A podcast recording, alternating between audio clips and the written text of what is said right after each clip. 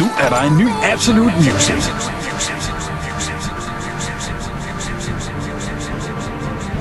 Nu igen med alle de største. De største.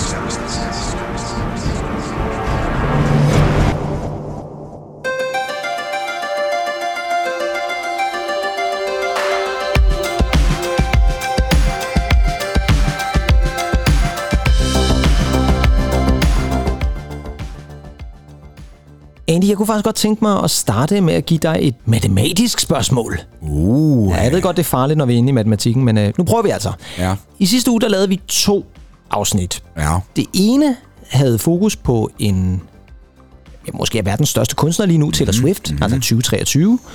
Den anden havde fokus på en gruppe, som lige havde udgivet en ny single, men jo som fik deres debut helt tilbage i 1963. Mm-hmm.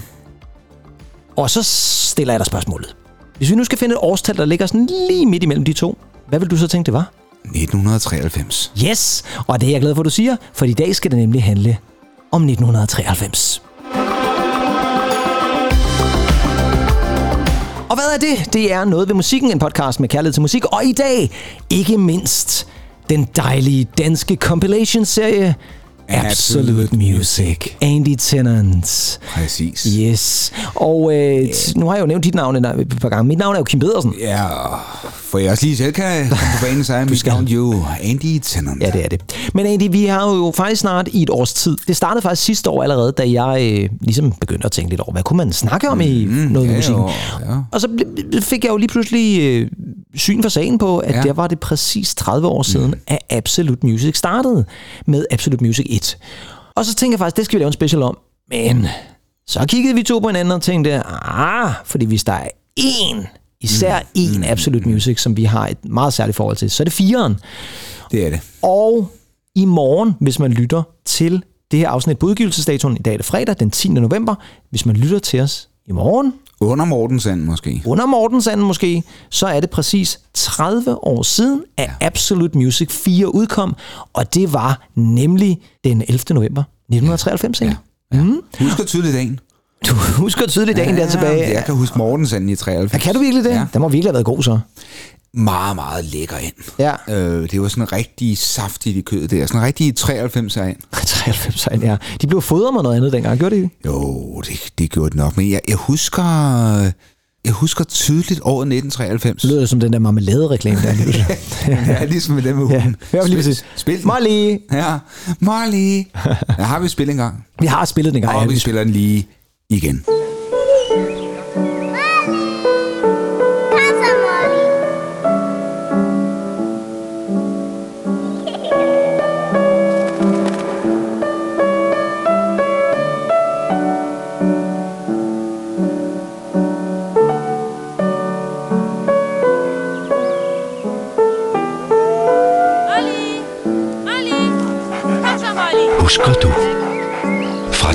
Fabrik. Den ægte. Ja, okay, det var, det vil jeg så sige, det var så ikke planer fra min side af, men du kan godt lide den reklame egentlig. Jeg elsker den reklame. Ja, men det er godt, så får vi også lige den med. Er den fra 93? Ej, det må være ny. Jeg tror jeg ikke, den er, er den ikke lidt nyere? Stakkels gamle hund jo. ja, som, Den har det faktisk ikke så godt. Nej, den har det ikke, men den bliver alligevel inviteret med til bordet der til sidst. Ja. Og det gjorde vi også i den grad i 1993. Der blev vi inviteret med til det store Ja, det store compilation-bord. Ja. Ja. Og øhm, for mit eget vedkommende vil jeg også lige sige, at vi gik jo fra båndafspilleren mm. til CD-afspilleren her i 93. Ja, og det er jo faktisk rigtig fint, du tager fat i det. Det skal vi nok også lige vende tilbage til. Fordi lad mig lige starte egentlig. Absolute Music. Vi har ikke mm. snakket om det. Mm. Jo, vi har snakket om det, men vi har jo ikke Jo, haft sådan en decideret special om Nej, Absolute Music. nej. Det har vi gemt til i dag. Og nu er den her så. Men hvad er dit forhold generelt til Absolute Music? Var du allerede med på etteren? Jeg kan godt huske etteren. Ja. I den grad, det var øh, den med Maggie Riley blandt andet på Every Time We Touch. Ja, lige præcis, ja. Get the same Ja, ja, ja, ja. Og øhm, Lars Hug og så videre, ikke? Men havde du den? Altså, Jeg havde den ikke, Nej. men øhm, kammerater havde den på øh, dobbeltkassette. Jamen, ja, og det, var, det havde jeg nemlig også, fordi den havde Ja. jeg faktisk også på øh, dobbeltkassette ja. der. Og der har vi jo faktisk fat i noget, fordi de første Absolute Musics udkom jo faktisk både på vinyl mm. og på dobbeltkassette mm. Og selvfølgelig også på CD, som var det nye format jo, det Ja. nye spændende format. Ja, ja. Og bare lige sådan for at tage det helt rent historisk, så er det jo udgivet af det pladselskab, der hedder Ava Records, som var et pladselskab, der blev lavet, eller en sammenslutning af pladselskaber var det faktisk mere. Mm. Blev lavet specielt til Absolute Music. Ja. Så det var faktisk en sammenslutning af BMG og EMI Medley og Universal og Sony og Virgin og Warner. Alle de store. Så man Det- ligesom det- kunne få alle hitsene det, med. Det er sgu ret fedt, altså. Det er ret sindssygt, fordi ja. det er lige før, det er noget, hvor man tænker, det burde nærmest ikke kunne lade sig gøre. Nej, Alle kan nej, gå sammen og sige, vi giver lige et nummer hver, ja. og så får vi en fed compilation. hvor, hvor, det, hvor, er det, hvor er det dejligt. Jamen det er det. Men et eller andet sted tænker jeg også, selskabsformen er vel forholdsvis enkelt. De får bare nogle procenter øh, smidt Ja. ud til, til den kunstner, de nu har med at gøre. Ikke? Ja, det tænker jeg lidt. Men det er jo så også det der med, ja. hvem, hvem bestemmer så, hvem der skal være med, ikke? Fordi det kunne godt være, at Universal tænker, "Ah, vi skal både dem her og dem her med, ikke? Nå, der kan man så sige, det er jo de store kommercielle drenge i klassen, ikke? Det er og det. piger selvfølgelig.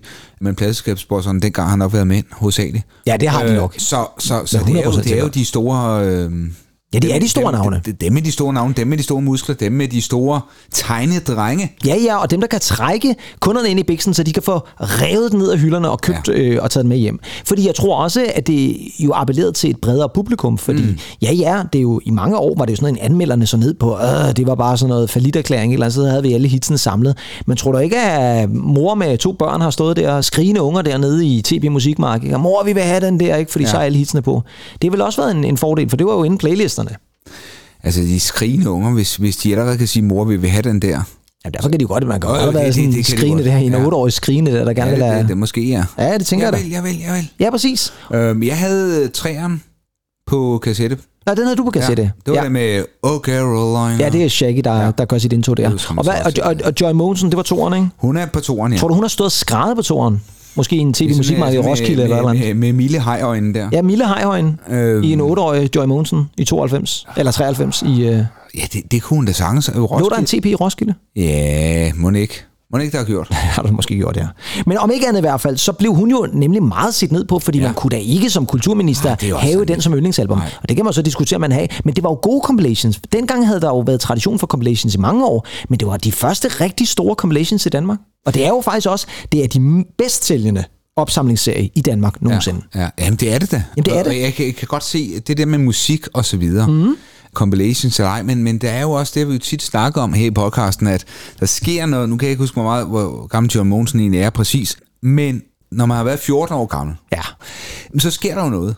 Der sker noget med ens identitet, og man begynder at lytte til nogle forskellige ting, og man har været til nogle fester, men der er noget nostalgi og så Ja, ja, ja. Det kan være, at den bare har været betydet så meget for hende på en eller anden måde. Det er den der kinddans til Charles Nettie, eller sådan noget måske. Hvorfor, hvorfor ikke? Ja, ja. Altså, hvor, hvor, hvorfor, hvorfor skal man... Jeg synes, det er fuldstændig latterligt. Og jeg vil så sige... Altså kinddansen til Charles Nettie, eller bare... Nej, nej, i hele taget det der med at se ned på folk, hvad, hvad fanden de Nå, har på den måde, så vil ja, det er jeg da enig i. Kulturminister, de er kransekagefigurer, ikke? Jo, jo, jo.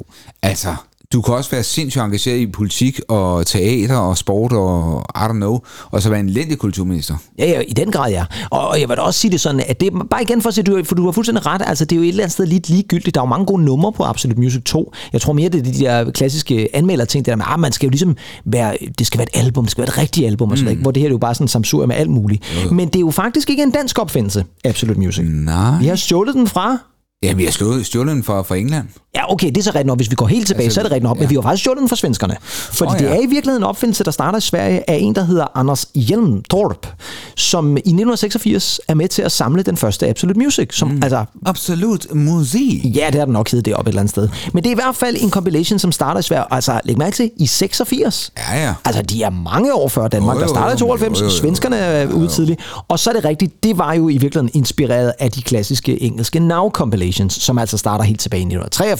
Og dem vender vi jo tilbage til om et par ugers tid, kan Mhm. jeg love. Så er vi tilbage på Now-territorium. Nordmændene, Mm. de var også hurtigere end danskerne, for de startede faktisk deres Absolute Music-serie i 91. Okay. Så danskerne var faktisk dem, der var senest ude af starthullerne. Det synes jeg et eller andet sted er lidt underligt, fordi normalvis plejer vi også at være sådan lidt first movers på det der, men, men nej, der Nej, kom de andre altså ja, i ja, forkøb. okay. Ja.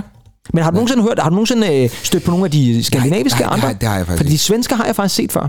Ja, nej, nej, det, det er ikke noget, der siger mig noget. Nej, nej. Men, det, og, og, men jeg vil så gar også sige, at de havde faktisk to CD'er.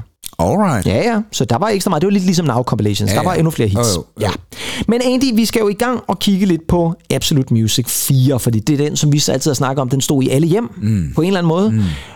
Men inden vi når til den, så har jeg faktisk en lille musikquiz. Uh.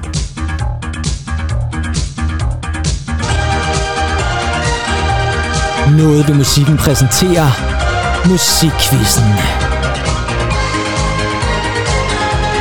En quiz med kærlighed, kærlighed, kærlighed. til popmusikken.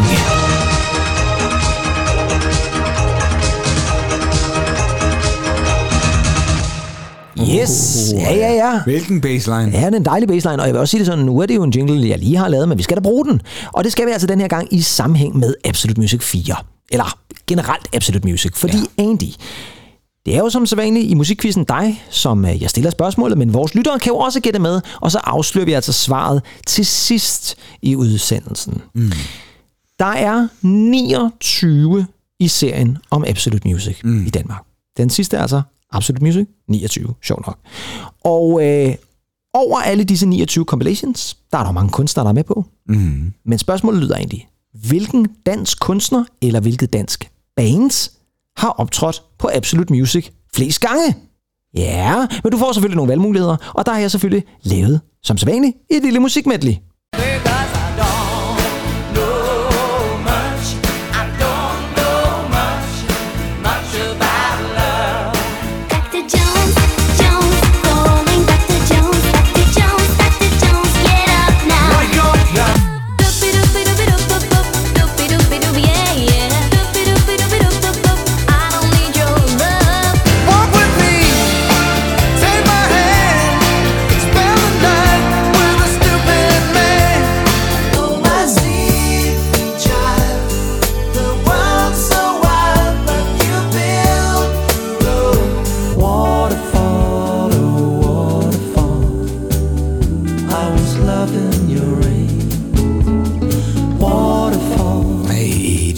Gode bud. Ja, den skal jo heller ikke være helt nemt, Andy. Du skal jo ikke give svaret vej. Du skal jo, øh, som sagt, øh, tænke lidt over det her i udsendelsen, Andy. Og så kommer vi med svaret til sidst. Vi skal måske lige løbe dem igennem. Det var Hanne Bol til at starte med. Så var det Aqua. Mm. Så var det Me and My. Nej. Så kørte vi noget Thomas Helmi. Så var det dine venner i Michael Learns to Rock. Yes. Og til allersidst Mr. Lars Hug, Lars H.U.G. Og det er altså en af disse seks kunstnere eller bands, som har været med på flest Absolute Music Compilations. Yes. Og øh, der er jo ikke noget hjælp egentlig, fordi jeg kan jo allerede nu afsløre, der er ingen af dem, som er med på Absolute Music 4. Så øh, det er i hvert fald ikke der, de optjener det enkelte point, kan man sige. Nej. Men egentlig, øh, vi skal til det Absolute Music 4, udgivet den 11. november 1993, som jeg sagde i starten. Den var tilgængelig også på CD og kassettebånd, og så er det faktisk den sidste i serien, der også er tilgængelig på vinyl. Så stopper Ja, de med at ja, udgive på ja. vinyl bagefter. Det giver også meget god mening, for så er vi oppe i Er 94. den på vinyl? Okay, men det kan da godt være, du kan finde den ja. et eller andet sted. Og så bliver det faktisk, og det er måske lidt overraskende for nogen, det her det er faktisk det bedst sælgende album i Danmark i 1993. Det er sindssygt, man. Det er ret vildt. Hvor, hvor, hvor meget er vi oppe på? At Den, vi... den går triple platin. Ja, ja, ja. Og det vil altså sige, at den sælger mere end 200.000 eksemplarer. Ja, tak. Og øh, nu skal vi jo lytte alle numrene igennem. Der er 18 mm. tracks på, den skal vi lytte igennem lige om et øjeblik. Og så vil jeg sige det sådan, jeg tror, det især måske er på grund af nogle specifikke numre, at den har solgt rigtig godt. For der er altså rent faktisk også et par numre på, hvor jeg tænker, alligevel, altså det er måske ikke mange, der er gået ned og købt Absolute Music 4 for den her. Men øh, det kan vi lige vende tilbage til. Havde du den på kassettebånd? Svaret er nej. Ja, okay. Jeg havde den nemlig på den gode gamle CD. Det havde du. Fordi du havde vi den. havde jo fået CD-afspiller. Der havde I fået set afspilleren. Så det vil sige, den, den så cirka sådan her ud. Den så sådan der ud. Ja, nu holder jeg den lidt op for dig her. Kan du ikke... Ej, jeg må øh, ikke se nej, du må ikke se tracks endnu. Fordi vi har også, det skal vi lige sige, vi har Ja. aftalt i god tid. Ja. Jeg må ikke lytte dem igennem. Nej. Og det Ja, har jeg jeg- sådan set heller ikke gjort. Jeg vil så sige, at jeg har lavet samplesene, så jeg var nødt til at lytte dem igennem i går. Uh, Men der er et track, jeg glæder mig til. Det vil jeg heller ikke sige nu, Nej, nej, hvad det er for net. Jamen, det glæder jeg mig til så at finde ud af, hvad det er for Og, net. ikke- og er det ikke det, som du tror, at jeg tænker på? Okay, det er meget forvirrende for lytterne, tror jeg. Men det er så også, hvad det er. Andy, øh, kan du lige forklare forsiden, når du holder den lige op for dig? den er jo, den er jo smukt. Det er jo et spil, øh, det er jo ikke et spil billigere, det er jo et spil pool. Ja. Og så ser vi jo fire kuglen på. Har fire kuglen på, Ja. fordi det er jo er sjovt nok. Ja, Absolut Music 4. Ja, det kunne også have været Mona Rislund. Det kunne det nærmest også. De lavede den der Arca- Arcasut mundvand Ja, der, ja, som, øh, som også var inspireret. Og det er jo et lilla cover, som sådan er lidt... Det er, sådan, det er meget klassisk på en eller anden Det måde. er meget 1993 farve. Ja, det er det faktisk, ja. Det er det. Utrolig 93. Og i virkeligheden også på bagsiden her. Helt Men, vildt. men det er altså 18 tracks, vi skal igennem, og øh, jeg tænker, nu skal vi altså have hul på dem, Andy, fordi vi Det skal, skal jo, vi. øh, vi skal jo Vi skal nyde dem alle sammen. Nej, vi skal nu... Prøv så at spoler. Folk sidder lige nu og tænker, hold nu kæft for fanden, spil noget musik. Ja. Lige præcis. Og det gør vi nu, Ja. fordi vi starter med track nummer 1. Og på track nummer 1, der skal vi have fat i en fyr og et nummer, som vi faktisk har spillet før. Hvis man lyttede til vores remix special fra 90'erne, så var det her faktisk en af dem, vi tog fat i. For oprindeligt, så blev den her sang allerede udgivet tilbage i 1985.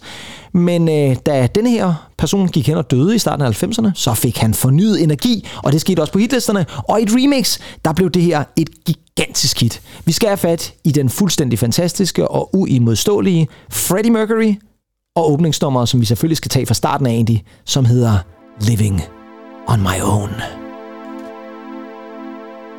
Sometimes I feel I'm gonna break down and cry. Nowhere to go, nothing to do with my time. I get lonely, so lonely, living on my own.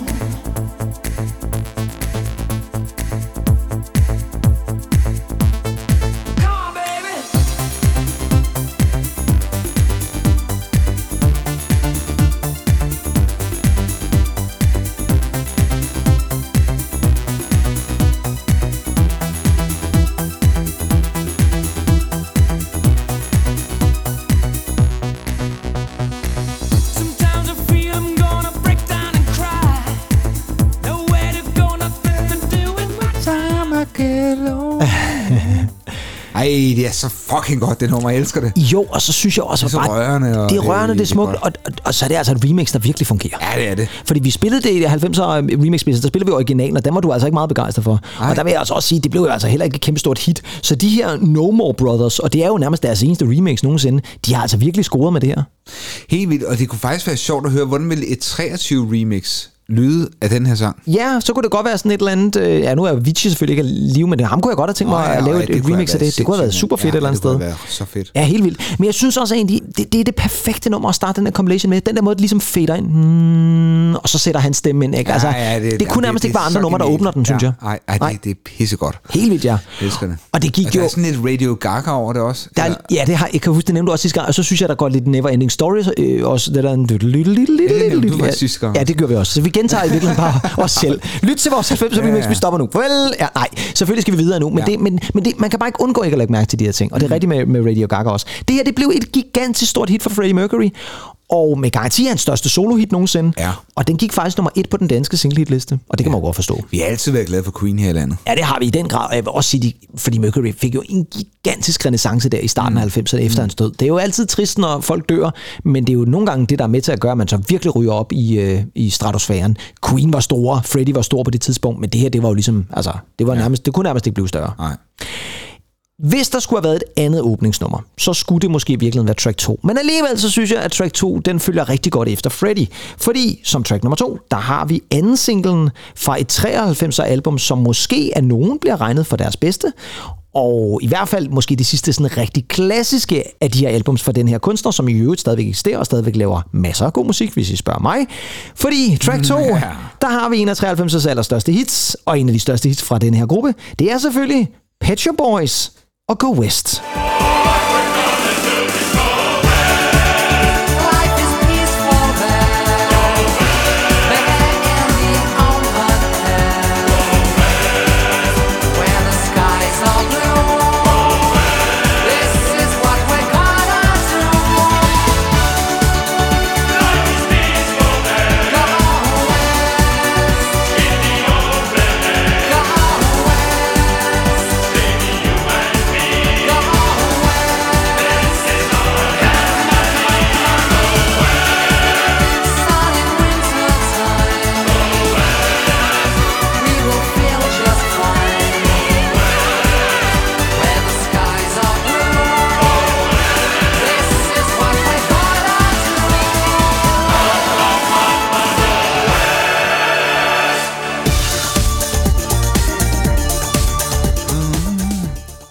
Det er et sindssygt godt nummer. Det, det vil jeg altså sige.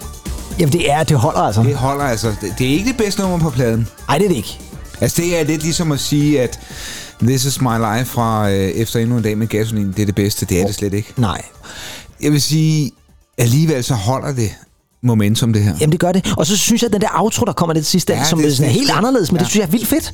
Fordi så får de ligesom sådan en helt anden øh, lyd ind over. Ja. Og det her, det var jo altså Pet Shop Boys og Go West, anden singlen fra albumet Very, som vi jo har snakket lidt om, er et af Jeg deres synes- allerbedste Jeg albums. synes, det er det allerbedste, de har lavet. Ja, men det er også øh, faktisk det første album, som Pet Shop Boys jo selv producerer. Med lidt hjælp fra Stephen Hague, men, men det er faktisk dem selv, der står som hovedproducerne. Og vi kan jo ikke helt afvise, om vi kommer til at Det kan jo godt være, vi kommer til, vi kan godt Lave komme til at lave en special med Very på et eller andet tidspunkt. Men øh, en ting, som karakteriserer lidt Absolute Music 4, det er, at der rent faktisk er ret mange coverversioner. Mm. Ja. Og det her, det er jo en coverversion, det er jo ikke Pet Boys eget nummer, det er oprindeligt et nummer af Village People i en noget mere disco-agtig udgave. Mm. Oprindeligt egentlig, det er jeg ikke sikker på, du er klar over, så skulle det her jo have været udsendt som single i december 92. Altså lang tid inden, mm-hmm. at øh, den skulle slet ikke have været med på Very, den skulle have været sådan en enkeltstående single. Det var Danes. Ja. ja, og det er simpelthen fordi, at Neil Tennant, han var helt desperat for at få top 10 hit i 1992. Fordi hvis de havde fået, altså Pet Shop Boys, et top 10 hit i 92, så havde de faktisk haft et top 10 hit fra 85 og helt frem til og med 92. Altså hver eneste år havde de så haft Ja, en sang, der ja, gået i ja. top 10. Og derfor ville Neil bare have, nej, vi skal altså udgive Go West, indtil der var nogen, der sagde, ej, skal vi ikke bare vente til det næste album, og så ryge den ud. Og så gjorde de selvfølgelig Jeg det. elsker min navnebror, men øh, jeg synes også, det var fint, at de, øh, de ventede. Ja, og så vil jeg faktisk sige, at den version, der er i 92, er faktisk anderledes end den, der faktisk blev udgivet. Den er blandt andet mixet af Max Baxtent, ja. som vi jo snakker om for nylig, da vi snakker om Peter Gabriel. Og så er den noget kortere, fordi det her det er faktisk en ret lang sang. Den var 5 minutter. Ja, for du har også outrum på det, ikke? Ja, ja, men det er jo, den er jo med i den rigtige Ja, ja, version. jo, men- Det her, det er radio-editen ja. Ja. i virkeligheden. Den er Ja. ikke kortere. Ja. Så øh, ja, den gik nummer 5 på den danske singleliste, hvilket jo også er rigtig, rigtig flot. Og jeg kan huske den, fordi øh, musikvideoen... Ja, den var meget digital og øh, computeragtig. Ja, ja og i, så i efteråret 93. Ja, den kommer jeg, der i- Jeg kan tydeligt huske det. Ja, på- blandt andet på- også optaget inde på den røde plads i Moskva, som oh, Åh, vist ja, også er noget af det ja. første, der, der sker i hvert fald der, efter de er åbnet op. Ja. Et eller andet sted en, meget, øh, en tekst, der på en eller anden måde passer meget godt ind i tidsbilledet mm. også. Yes. Så er vi nået til track nummer tre egentlig, og der skal Ja. vi have fat i et band, som eksisterede i utrolig kort tid, og alligevel på den korte tid, der nåede de at lave én klassiker. Og det er sjovt nok den, der er med på den her compilation. Ja. Fordi i track nummer tre, der har vi fire, som bestemt ikke er blondiner. Derfor hedder de For Non Blondes. Ja. Og nummeret, det hedder What's Up. Into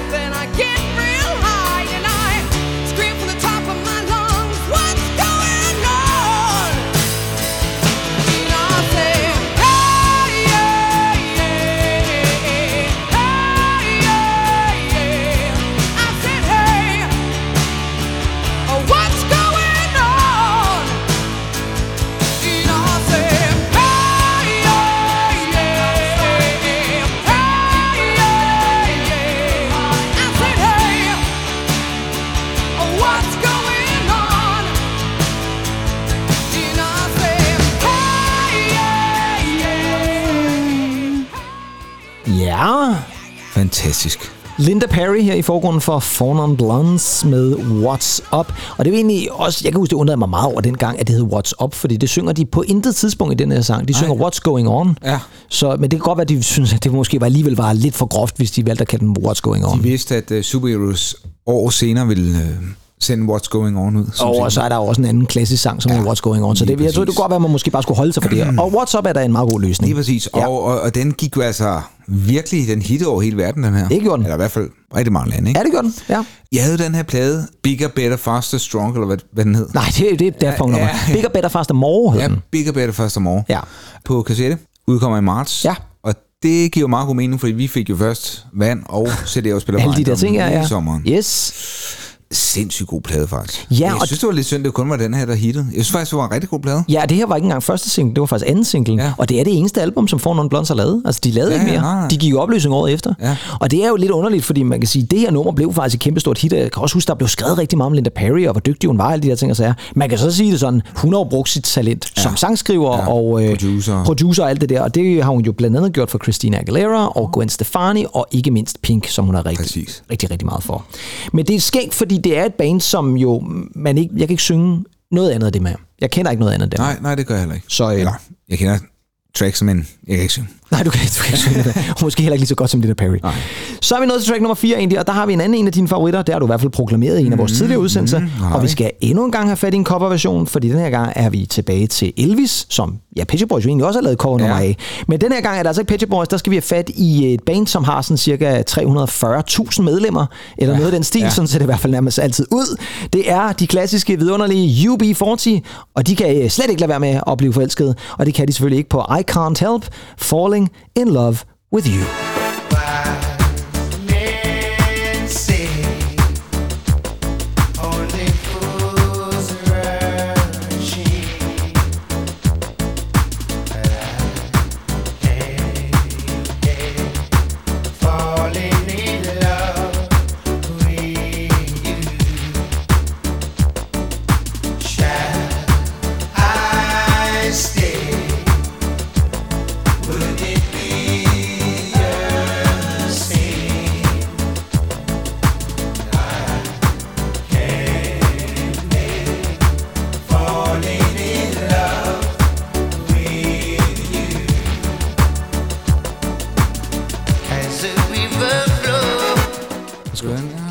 Truttet lige ind der også. Dut, dut, dut.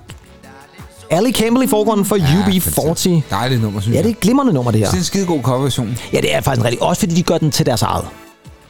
Altså, de formår at lave... Jo, de, de, de har stadig den der... øh, Jamen, det er UB40-lyden jo. Ja, ja, altså, det er, jo, det, det er jo UB40, der laver den her version. Det synes jeg er fedt, fordi... Og at så det, i, i, og de, de, de følger med, og tid, altså de inkorporerer nogle af 90'ernes virkemidler her. Og drumbeatet er meget 90'erne Ja. et eller andet sted. Ikke? Og det sjove er, jeg kan huske, vi har brugt den før jo, og der skulle jeg ind og finde et sample, og der kunne jeg simpelthen ikke finde den version, som var den rigtige, altså den, jeg kan huske.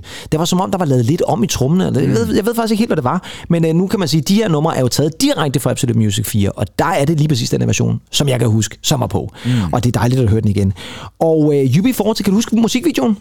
Den kom i to forskellige versioner. Sort, sort-hvid. Sort-hvid, ja, og den ene var, øh, hvor der var klip fra en film. Ja. Ja, Mm, for den var nemlig med i denne frække film.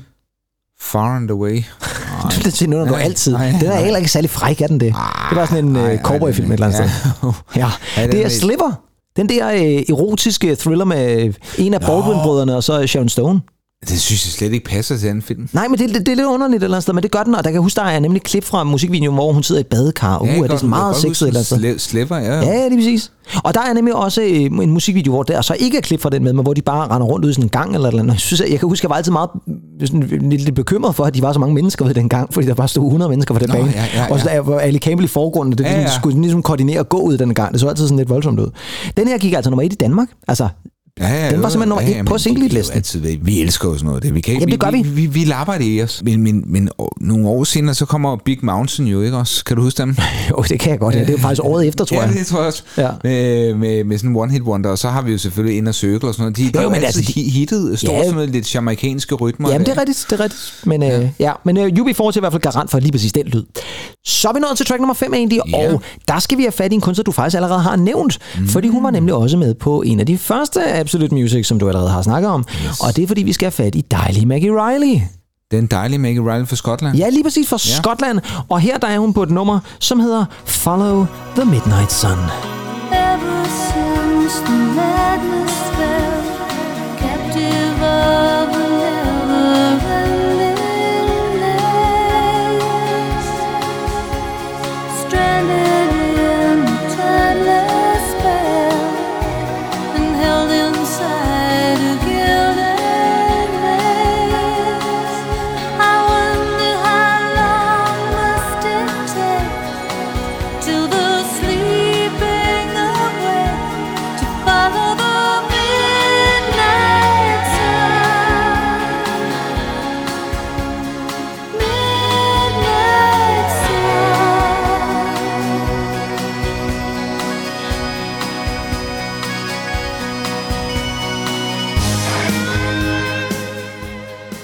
Ja, det er lidt sjovt med Maggie Riley, at ja. enten så er det sådan en Moonlight Shadow, eller også er det Follow Ja. the Midnight Sun. Det, Jamen, det, det, det, det hele skal ske omkring midnatstid. Det, det er bare meget skotsk. Ja, det er det. Det er, man, Det er meget Highland-agtigt Det er meget. Highland. Det er Ja. meget... Øh, ja, det er meget det, det, det gråfulde. Det Ja, det er det. Det grå Ja. Glasgow, ikke? Men også lidt det håbefulde måske. Eller Og sådan. også det håbefulde. Ja.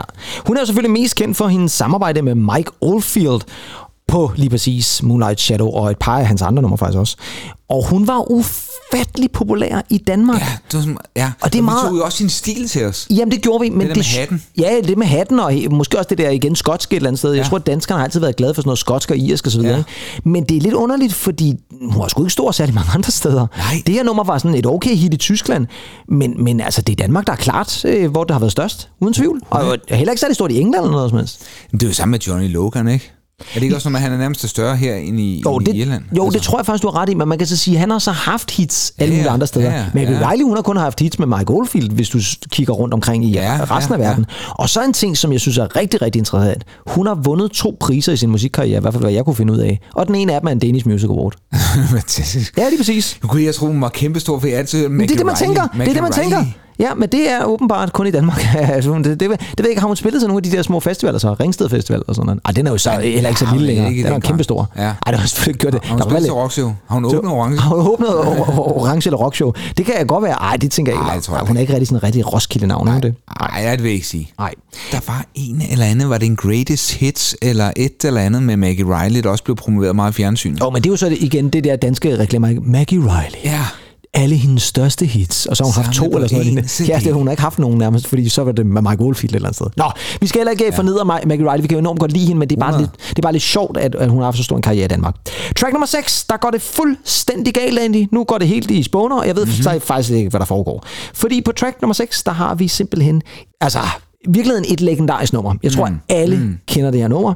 Det øh, blev solgt i milliontal, masser af singler, og øh, så tror jeg vist godt, man kan kalde dem lidt for Liverpools helte. Og nej, nej det er ikke ikke. Beatles, vi Nej, snakker om. nej. Det er tværtimod Frankie Goes to Hollywood. Og øh, nummeret fra 1983, der hedder. Relax,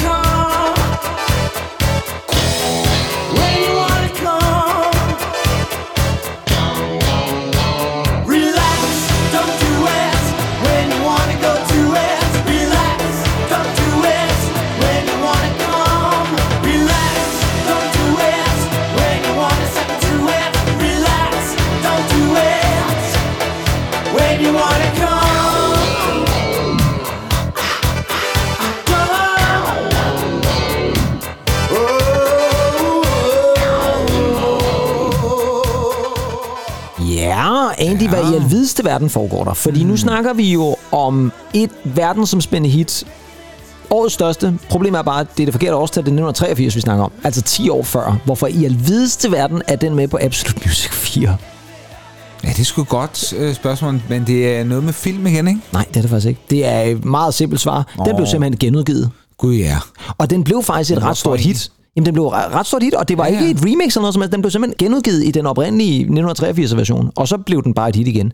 Altså, jeg synes jo, det er lidt underligt, at man vælger at tage den med. Altså, den var også spillet i Danmark og sådan noget Ja, der, ja. men man kunne jo have valgt masser af andre gode numre. Der er altid blevet spillet meget i dansk radio, den her. Jamen, det er den. Ja. Men øh, der kommer altså også en masse remix af nummeret. Blandt andet øh, Jamin Spoon lavede et rigtig fint remix, og masser af andre ting. Men det er jo ikke et nummer, der repræsenterer 1993. Nej, det er sgu ikke. Det, det kan man ikke det påstå. ikke. Det er Nej, det kan man ikke det er påstå. ikke Tamilsagen, det her. Nej, det er ikke Tamilsagen, og det er ikke øh, Slutter, der, der, der må gå af, alle de der ting. Altså, det, altså, der er nogle ting i det her nummer, som jeg elsker og holder meget af. Det er et nummer, i virkeligheden, jeg synes er fantastisk. Jeg synes bare stadigvæk, det er sådan en lille bit smule underligt, for det er jo, heller, ikke- det er jo ikke lyden af 93. Det er jo heller ikke. Altså, det er jo lyden af Nej, 80'erne, ja, det er det, det er det. Og det er derfor, jeg synes, den virker lidt aparte på Absolute Music 4. Må jeg om jeg havde faktisk glemt, at den var på, da jeg lyttede det igennem og tænkte, gud, er den på her? Øh, så, så det er lidt underligt, men den var faktisk et hit. Den gik også top 10 igen i England og så videre, så, så derfor er det berettiget, og alligevel en lille smule underligt. Mm. Til gengæld giver det måske mere mening, når vi når til track nummer 7, for der har vi endnu en kunstner, som på samme måde som Maggie Riley også var rigtig stor i Danmark, og øh, måske så ikke så mange andre steder. Og det er igen en person, som har noget af det her højlandske. Den her gang skal vi så bare en tur til det irske, fordi vi skal nemlig have fat i den fantastiske, stærke Andrew Strong, ja, Andy, Som også skal... som også, øh, som, også kun har hit til Danmark. Som også kun har hit til Danmark. og det her, det var altså en af dem, som hed Ain't Nothing You Can Do. Electric lights go out, candlelight don't see us through.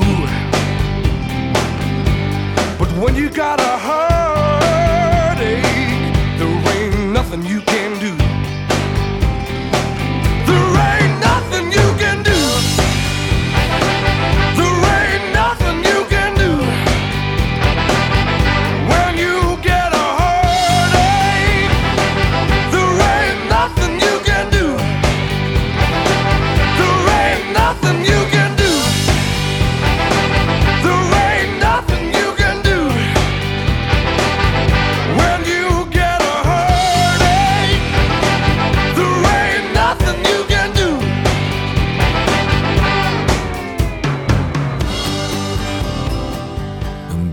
bam.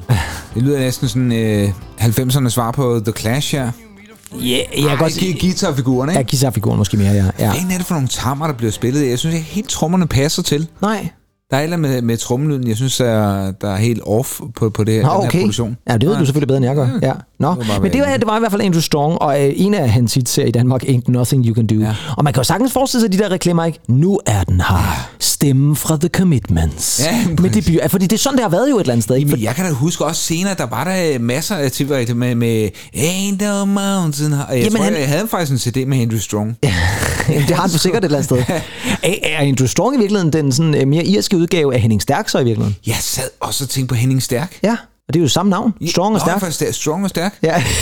men, men, det, men det, er jo, det er jo den... Øh, ja, hvem ved, måske har Stærk, altså Henning Stærk, hygget sig en, en sen aften i Dublins gader. Det har været stærk tobak.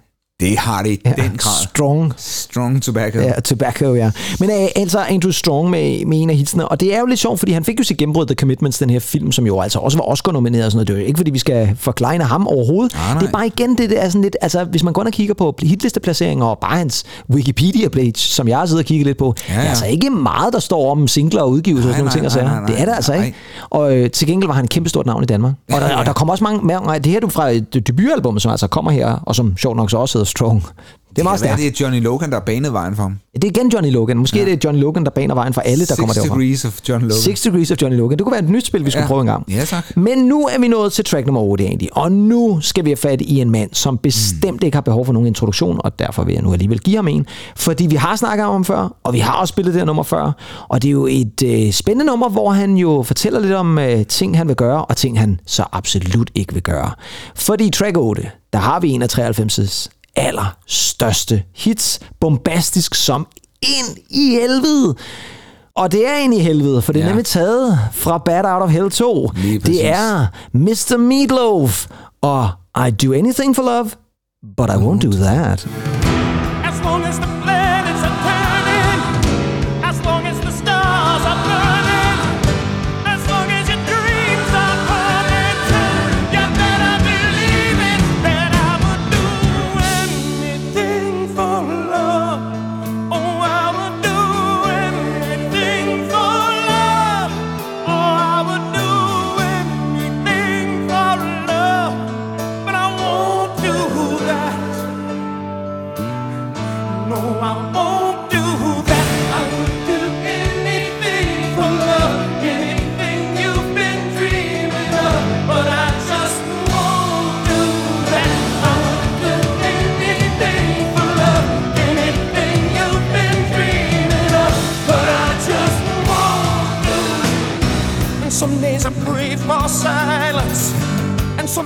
Ja, så giver den gas her af Meatloaf, ja. Hvad er det så, han ikke vil? Hvad er det så, han ikke vil? Jamen, det Han vil ikke slå eksmanden ihjel, eller et eller andet? øh, Ja, det kan da godt være. Er, er det sådan noget jalousidrama? det kan da godt være. Slå min, slå min mand ihjel? Jeg Nå, sådan så er hun- meget for kærligheden. Ja, det kan da godt være. Det skal jeg ikke kunne sige. Altså, det, han vil jo ikke rigtig give svar på det, og det, Nej. nu er det for sent, fordi nu er Meatloaf jo desværre død. Og stuntmanden, ja. Og Stuntman også død er. Det var så ikke den her musikvideo, det var altså Det stadigvæk godt. den efterfølgende. Ja, Men det her var jo også en ret karismatisk musikvideo, som jo havde sådan en snært af noget Phantom of the Opera mixet med skønheden og udyret i virkeligheden, hvor Meatloaf jo sidder inde i sit lille slot og ser sådan lidt monsteragtigt ud, og så kommer der en smuk kvinde i en... Er det en rød kjole, eller er det en hvid kjole? Jeg kan Ja, faktisk ikke sådan, huske det. en, faktisk nogle hævede fingre. Jo, jamen, det er sådan nogle hævefingre, men det er jo fordi, Ja, han er så- sådan lidt øh, Quasimodo-agtig på måde. det er han, og, og, og guldringen er der. Og guldringen og så videre, og ikke? Ja. Så stor hånd, men og meget, øh, meget sådan en, en hævet dej. Nå, men han er jo også lidt... Altså, det er jo Meatloaf jeg, for jeg, jeg, fanden. kan huske de der hænder der. Ja, ja, ja. Men Meget- det, meget hævet. Ja, ja, men sådan et farsbrød der, det er også Ja, hævet ja, et eller andet det- sted. ja, lige præcis. Ja. Men det her, det var altså et gigantisk hit, Ja, skrevet af Jim Steinman, selvfølgelig, for det kan jo ikke være nogen andre, Som der har skrevet det. som jeg engang troede var Meatloaf. Jamen det kan jeg godt forstå, fordi det var jo ham, der altid stod bag, og så må man Ja. sige, det var sådan en alter ego, men han har jo altså også skrevet mange andre ting. Og her var der altså Meatloaf, der fik lov til at synge kompositionen fra Bad Out of Hell 2, som jo var Mm. sequelen, altså fortsættelsen til det gamle album fra 70'erne. Den her gik nummer et egentlig i 28 lande, Ja. Inklusiv Danmark. Jeg havde faktisk albummet. Ja, altså ikke havde det, Nej. men du havte det. Havte. Ja. ja. Men jeg skulle ikke rigtig huske så mange af de andre tracks. Nej, og det kan jeg så heller ikke lige på stående fod. Jeg havde det så godt nok heller ikke, men der var andre numre, men slet ikke i den her kaliber. Og så er der en ting, som jeg synes er ret interessant, fordi radio-editen, og nu er vi tilbage i det igen, den var 5,5 minut. Den er altså med på Absolute Music 4. Ved du, hvor, hvor lang albumversionen er? Den var Åh, 12 det- minutter egentlig. Gør den, gør den det? 12, det er altså noget af en uh, edit, de det? laver der. Altså, ja, 12 minutter. Den starter simpelthen albumet Bad Out of Hell 2 Det er rigtigt, jeg kan med faktisk- 12 ja, minutter. ja, ja, jeg så det er alligevel rimelig godt redigeret ned, vil jeg sige. Man får ligesom det bedste fra Jo, nummeret, jo, ikke? jo, jo. Ja, det er sådan en form for trailer til musikvideoen og nummeret. jeg husker den som faktisk meget fin plade. Jamen det er, jamen, og den blev også meget rost og så Ja, videre et eller andet ja, ja. sted, så, så det er jeg helt sikker på. Track nummer 9, Andy, der skal vi tilbage til coverversionerne, fordi nu tager vi lige en mere. Og øh, denne her gang, der er det et nummer, som oprindeligt blev udgivet helt tilbage i 1970 mm. af en mand med et lidt kattet navn. Han hed nemlig Cat Stevens. Uh, ja. Og her skal vi have fat i Mr. Big og nummeret, som kort og godt bare hedder Wild World.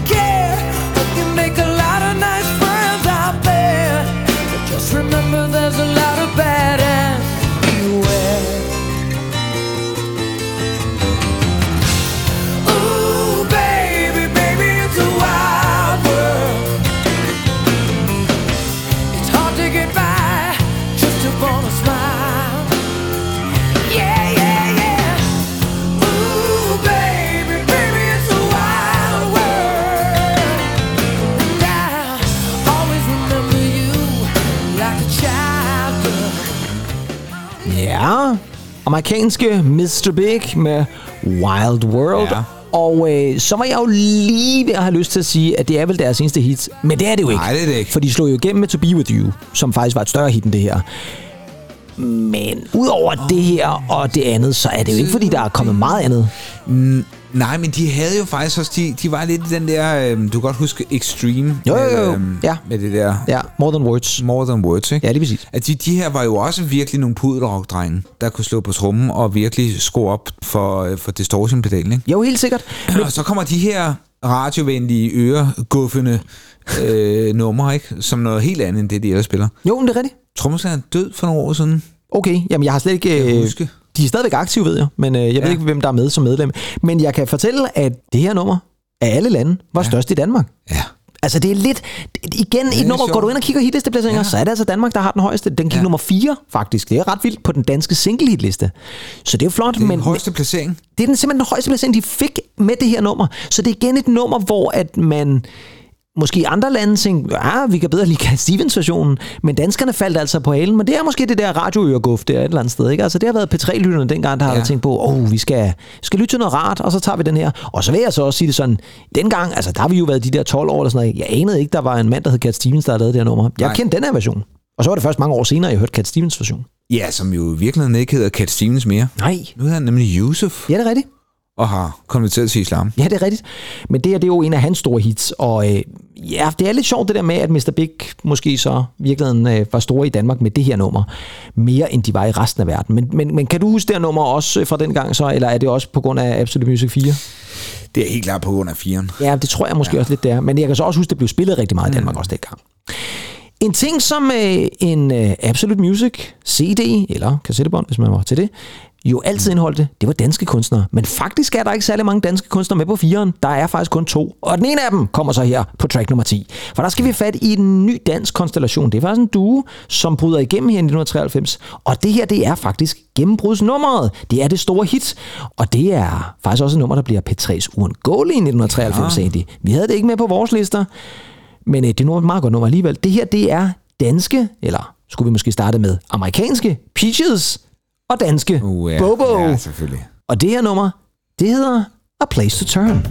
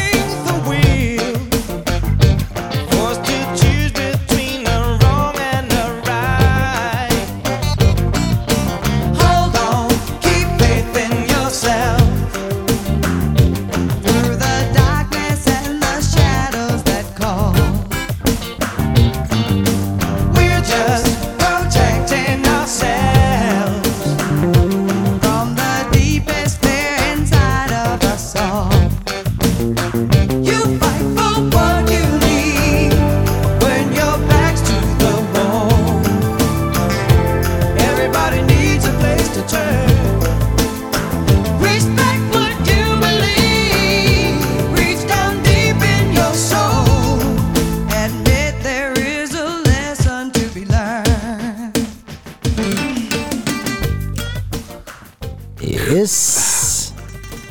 Ej, uh. der bliver uh. kredset for det der, Indy. Yes. Peaches and Bobo. Bobo Moreno. Bobo Moreno og Peaches Lavon hed hun. Ja. ja som jo øh, slog igennem med det her nummer. A Place to Turn.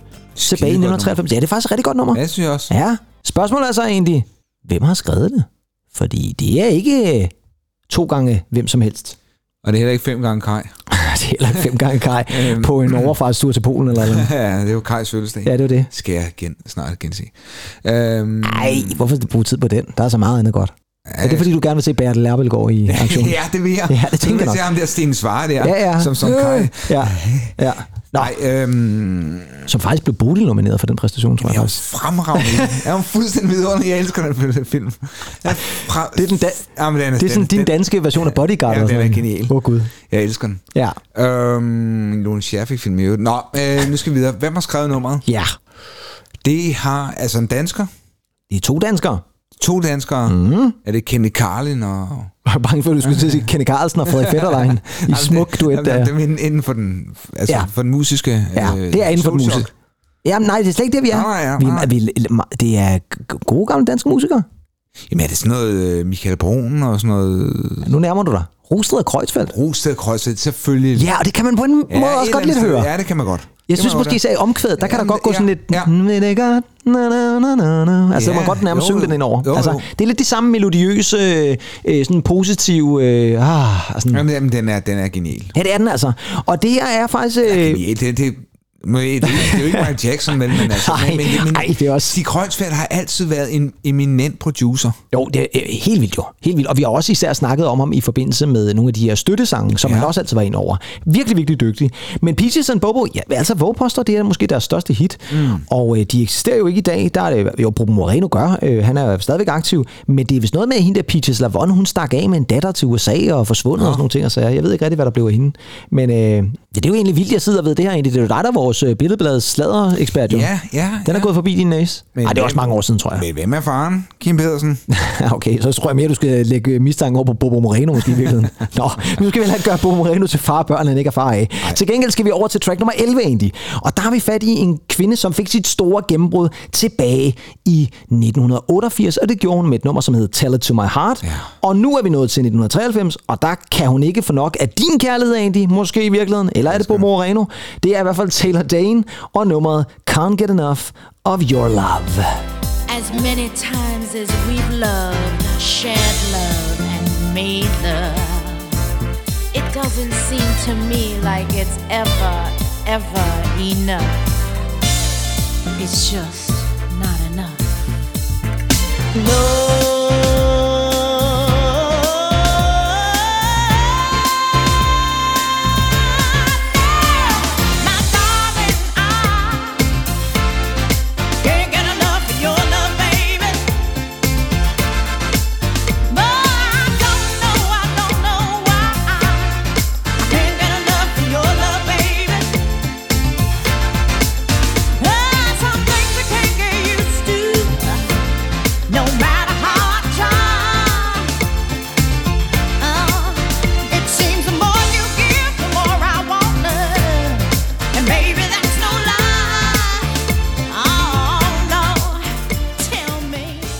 Ja, egentlig. Har du hørt det her nummer før? Ja, hvor sindssygt. Det er jo det er mit favoritnummer nærmest på Er det pladen. virkelig det? Jeg elsker det nummer. Ja. Og det er jo Jeg sjovt nok. godt lide det. Ja, men det er jo også vores fjerde coverversion. Ja, det er det. Fordi oprindeligt det er jo et nummer af Barry White. Ja, det er det. Det er en lidt mere dyb version, han laver jeg der. synes, det, jeg synes, det er pisse godt. Jamen, det er super godt nummer. Jeg synes, det, det, det klæder hende også. Jamen, det gør det. Men det er jo sjovt nok faktisk, at det nummer, altså, som faktisk blev det første et af de første numre, som faktisk får Taylor Dane til sådan at forsvinde lidt succesmæssigt i USA, fordi indtil da, mm. fra Tell It To My Heart, og helt frem til 1993, der har hun faktisk haft været meget, meget stor i USA. Ja, ja. Jamen, Alle altså, numre går i top 10. Super Hard, Det, er- det er jo fantastisk. Ja, det er et fremragende nummer. Jeg vil måske have produceret lidt anderledes i dag. Ja. Skruet lidt ned for Klaves, Ja. øh, eller i hvert fald mixet det. Ja, de er lidt for dominerende Ja, på en de måde. Jo, lidt. Men øh, der, så, så synes jeg, jeg synes, det, det er dejligt cover, Ja. må jeg sige. Ja, det var faktisk et forslag fra Clive Davis, eller var det Stanley Tucci? Jeg kan ikke lige huske det. Nej, det var nok Clive Ja, Davis, ja, Clive Davis. som, som øh, foreslog, at det her, det, hun skulle gå ind og la- lave en genindspilning eller en coverversion af det her nummer af Barry White, og så skulle det være første singlen fra hendes 93'er album, som i øvrigt hed Soul Dancing, og der var der lidt soul dancing over det her, kan man sige. Ikke? Men altså, som sagt, var meget, meget stor i USA, og jeg kan altså ikke, jeg må ærligt om, jeg kan ikke huske, om det her var et hit i Danmark. Nej, det var Barry White jo. Jo, men da, så kunne man jo lige så godt have knældet Jamen, Barry er White. det. Hvis man kan ja. relax på, så kan man også tage Barry White på. Eller Jamen, det, er jo, det er jo det, jeg tænker. Ja. Altså, jeg tror faktisk, Barry White, og ikke mindst uh, Engelbert Humperdinck, ikke at samle dem, Ja. dem men... Ikke at samle dem måske Nej, godt. eller ikke at samle Ja, et samlesæt med Barry, Engelbert Humperdinck måske, det her, ja. ja. Eller sammenligne dem. Ja, ja. Øh, så vil jeg da sige, at det, det, det, dem holdt danskerne jo også meget af. Jo, jo. Men jeg vil også sige det sådan, at Taylor Dane viser jo stadigvæk, at hun har en fremragende sangstemme og alt det der. Jo, Det, jo. Og igen, det er faktisk et skide godt nummer, en skide god Vi kombination. skylder altså også lige lytterne at sige, hun er altså ikke i familie med Tom Dane. Nej, det er rigtigt. Hun er ikke i familie med Tom Dane, eller Thomas Eje, som han jo hed på dansk. Nu skal vi væk fra Thomas Eje, og nu skal vi over til fem herrer, som i den grad på det her tidspunkt er ved at få deres helt store gennembrud. Ikke mindst i England, men faktisk også resten af Europa. Og øh, track nummer 12, mm. det er måske deres helt store single gennembrudshit. Yeah. Nu skal vi nemlig Nu noget Jason Orange med. nu skal vi nemlig have fat i noget Jason Orange og noget Howard Donald. For vi skal have fat i Take That, og de har behov for en bøn, og det har de på Pray. Before I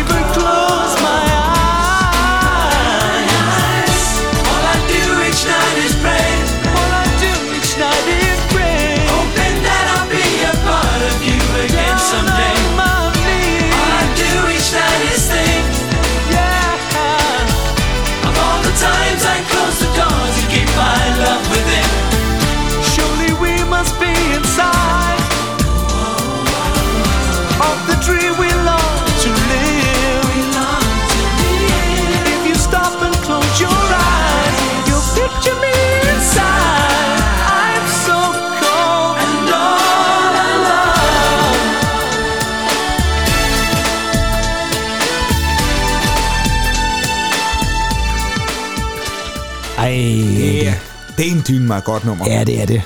Og manden, der har skrevet det, er jo selv på vokal. Ja, det er jo Gary. Det er Gary Barlow. Gary Barlow. Ja. Nu har vi jo øh, før snakket lidt om, at Gary Barlow jo sådan var sådan lidt mere tætsiddende på sin vis, ikke? Ja, han var, han var en tæt Men han er meget afklædt i den her musikvideo, så det Ja. må jeg lige... Jeg Ja. ved ikke, om man lige har slanket sig op til den eller andet, måske. Ja, det kan godt være. Ja. Jeg kan, jeg kan ikke lige huske, hvor, hvor, hvor, hvor Han tæt sådan er det. han var ikke engang tyk. Han var bare... Jamen, han var en flot mand stadigvæk jo. Meget, Så er der skide godt ud. Underligt, men, ja. men mere tæt. Mere tæt end de Meget- andre, vil jeg sige. meget mere tæt. Helt sikkert, ja. Men det her, det er altså Take That med Pray, som er anden singlen fra Everything Changes, som helt klart bliver deres helt store gennembrudshit og gennembrudsalbum og alt det der. Den går nummer 14 i Danmark, hvilket jo faktisk i virkeligheden på papiret måske lyder sådan lidt underligt. Men det er faktisk deres første store gennembrud uden for United Kingdom. Ja. Og det går også øh, godt i, i Tyskland og så videre. Titelnummeret egentlig mm. fra pladen Everything Changes. Det er faktisk den første single af Take That, der går i top 10 i Danmark. Den går nemlig ind til nummer 4. Ja. Og jeg har faktisk altid spekuleret på at give videre, om det simpelthen bare allerede er Robbie Williams-effekten, der er sat ind der. Jamen jeg tænker bare et eller andet sted, altså det er jo ham, der ligesom har vokalen der, og den blev bare gigantisk. Ja, Ja, altså der var også mange, der var forelskede i Robbie Williams allerede i 93 og 94 mm, måske også. Ja. Og grunden til, at jeg nævner ham egentlig, Ja. det er faktisk fordi, at Robbie Williams er en af de to kunstnere, som har haft flest optrædener på Absolute Music-serien. Han ja. har faktisk haft ni, og det er jo selvfølgelig både sammen med Take That og solo. Og den anden, for nu sagde jeg, at han var ikke den eneste, den anden er faktisk også en fra et band, men det er så et girlband. Og hvis jeg nu siger, det er Spice Girls, så har du fem valgmuligheder. Ja, jeg har. Hvem tror du så, det er? Ja, så må det være Mel C. Det er rigtig ja. godt, min ven. Det er nemlig Mel C og Robbie Williams, der deler ja. I porten ja. Ja. mellem at have flest optrædener. Det giver meget god mening et eller andet sted. Jamen ja, hold kæft, men ja, Robbie Williams altså. Ja, der var faktisk lige, i- er det i dag eller i går, der er udkommet en uh, dokumentar uh, serie med ham på Netflix, tror jeg det Er det rigtigt? Ja, det tror jeg, den er lige kommet. Ej, den skal jeg hjem og se. Ja, jeg tror også, at det er sådan ret revealing, og han fortæller ja. Ja. hele historien og så Ja. videre. Så den tror jeg godt, man kan gå hjem og se. Det er en lille anbefaling. Lille ekstra anbefaling. Nu er vi nået til track nummer 13 egentlig, og der skal vi øh, have fat i et nummer, som er skrevet af to herrer, som på sin vis er meget forskellige. Den ene af dem, han vælger så at gå solo. Samtidig med, at han også har sit sædvanlige mm. band. I 80'erne er han måske verdens største kunstner, tror jeg godt, vi kan sige. Ja. Det er den anden i hvert fald ikke, men Nej. han er også stadigvæk stor. Jo, jo. Men de har altså slået pjalterne sammen på det her nummer. Den ene, han hedder David Crosby. Den anden, han hedder Mr. Phil, Phil Collins. Og her er de sammen på nummeret Hero. It was one of those great stories that you can't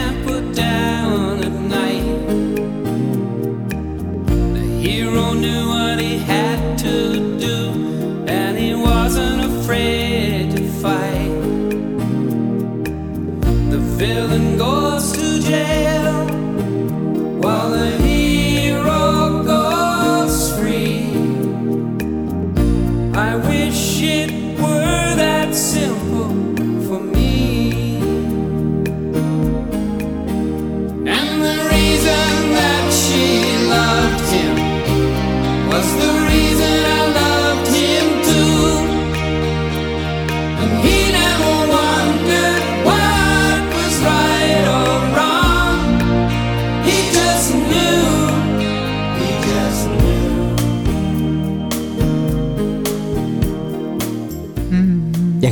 godt lide det her nummer egentlig. Det er vanvittigt godt. Men jeg er stadigvæk... Og- og var så- det her et stort hit i Danmark i 1993? Det er jeg meget svært ved at forestille mig. Mm, der vil jeg mere sige noget for both sides, eller et eller andet. Ja, som jo så først kommer, kan man sige, lidt senere på Ja. året der, ikke? Og det, der vil sige, jeg tror faktisk et eller andet sted, måske den her godt kunne være skrevet til det, for det er lidt den samme lyd, der er her.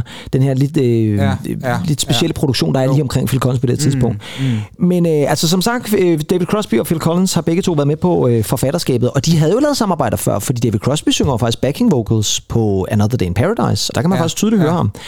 Og det er altså taget fra David Crosbys eget album, som hedder Thousand Roads, hvor der faktisk også er numre af blandt andet Joni Mitchell og Mark Cohn. Ja. Jeg kommer altid, når jeg tænker på David Crosby, så kommer jeg til at tænke på sådan noget øh, Vietnamkrigen. Eller Nå, sådan men det er jo også, fordi han var med i det der Crosby, Stills and Nash der, ikke? Altså, Ja, det var jo ja, den ja, der det- konstellation et ja, andet okay, yes. Og det var jo sådan lidt hippieagtigt på en Jamen, måde, jamen også, også skægget og sådan noget. Jeg kan huske, der var et eller andet, jeg minder mig altid om sådan noget protest øh, Jamen, det var det. singer, ikke? Jo, præcis. Og det, er også ja. derfor, det var det, jeg ligesom prøvede at appellere lidt til i Ja. forhold til de to herrer, som på sin vis er Ja. lidt forskellige. Ja. Og alligevel har de nogle ting til fælles. Han døde jo desværre tidligere i år. Jeg tror, Ja. det var tilbage i januar. Ja, ja, det var det. Øh, David Crosby, et par 80 år eller sådan noget, så det var egentlig en fin alder, men alligevel selvfølgelig lidt trist, at han er gået bort. Men øh, igen, altså track nummer 13, selvom jeg stadigvæk har lidt svært ved at se det som et, et kæmpestort radiohit. Jo, måske et radiohit. I virkeligheden. Det er jo ikke sådan en, der folk er drønet til TB Musikmarkedet for at få alle Ja, CD-singlerne jeg af. kan godt se sådan en, en, en rockhold, rockhold dag der. Men, men øh, Han skal varme sig på et eller andet. ja, En, en glas, glas gløk eller et eller andet, ja. ja, ja, Ja. Især, især kløkken. Især gløkken der måske, ja. Hvis man lytter til afsnittet i dag, fredag, Ja. jamen så øh, udkommer der jo faktisk gløk på de fleste vinbarer. Nå, Siger jeg, det er sådan helt tvivlsomt. Ej, det har jeg bare hørt. Nå. øh, så det er sådan en form for gløkkens jøddag, eller hvad? Måske. Ja, okay. være. Hvorfor er der sådan en speciel regler omkring det, at man først må sælge det der på vinbar? eller sådan G, G, øh, jeg tror, det hedder G-dag eller sådan noget. G-dag, ja, lige Man skal høre G-bak. Ja. man skal det, mens man sidder og hælder et glas varm gløk ind i svældet der, ja, lige præcis. Nå, men det øh, kunne da også være sjovt. Det er en sjov juletradition. Track nummer Ja. 14 er vi nået til nu, for det er overblikket her. Track nummer snart have noget gløgg i, jo. Ja, det tænker jeg også, vi skal. Men øh, spørgsmålet om ham her måske har behov for et glas gløk, fordi han er lidt hæs på øh, dele af nummeret. Oh. Men det er der måske en speciel grund til, fordi vi skal nemlig have fat i Phil Collins' gamle kollega fra Genesis. Uh. En mand, som vi jo faktisk har snakket forbløffende lidt om, lige indtil for ganske nylig, og nu har vi nævnt ham, jeg ved ikke hvor mange gange inden for de seneste udsendelser. For det er selvfølgelig Mr. Peter Gabriel, vi skal have fat i. Track nummer 14, det er nummeret, som har lidt eventyragtig titel, der hedder Kiss That Frog. Don't you know that this Come on, come on, come on, come on, come on, come on, come on, lady, kiss that frog.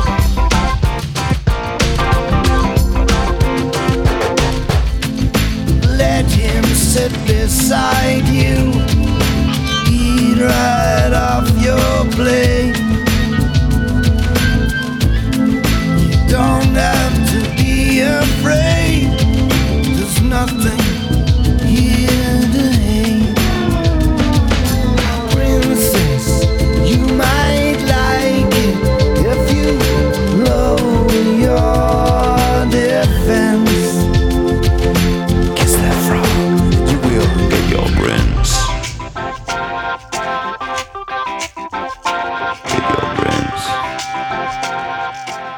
Ja, hvis man nu havde haft ønske om at høre Peter Gabriel som frø, så kunne man altså få det her på Kiss That Frog, som er fjerde mm. singlen fra Peter Gabriels 92 album, som hedder Os, som vi også nævnte for et par udsendelser siden. Mm. Er det her et nummer, som øh, hører sig til på Absolute Music 4, tænker du? Jo, hvorfor ikke? Men, men jeg kan dog nok huske det. Nej, det kan jeg så ved Gud i himlen heller ikke. ikke huske det. Det kan jeg heller ikke. Altså, det er et godt nummer, og det er super godt. Altså, produktionen er der fejler jo ikke noget. Den er super godt Men det, produceret. er klassisk Peter Gabriel-produktion. Ja, det er det virkelig. Det, er- der, der, altså, der er kreds, og når jeg siger det, Ja. så er det fordi, der er kreds over alle detaljer. Der er kredser for alle detaljer, og man kan jo virkelig høre et eller andet sted, at der ligger det der altså eventyrlige, han snakker om Princess og Kiss That Ja, så videre, ja. ikke? og så er det som om, at nummeret også bliver sådan lidt eventyrligt på en måde et eller andet mm. sted. Ikke? Altså det hænger rigtig, rigtig godt sammen. Og øh, til dem af jer, som øh, kan huske Absolute Music, så kan jeg jo fortælle, at første singlen fra os, som var det nummer, der hed Steam, som faktisk blev et rigtig stort hit, Det er fantastisk. den er med på Absolute Music 2. Ja, ja. Så øh, han er allerede på det her tidspunkt været med på to af Absolute Music compilationsne. Og så skal vi måske lige have nævnt igen, at Peter Gabriel altså udsender sit første album med helt nyt materiale i mere end 21 år. Den 1. december, lige om lidt. Ja. Og det hedder I.O., og det øh, er altså et skide godt album. Jeg har jo som sagt lyttet lidt mm. til det. Track nummer 15 egentlig, der skal vi have fat i en kvinde. Nu snakker vi om det der med, om Peter Gabriel skulle have taget sig et glas gløk med den der frøstemme der. Ja. Her snakker vi om en kvindelig sangerinde, som virkelig også har en meget karakteristisk hæsstemme.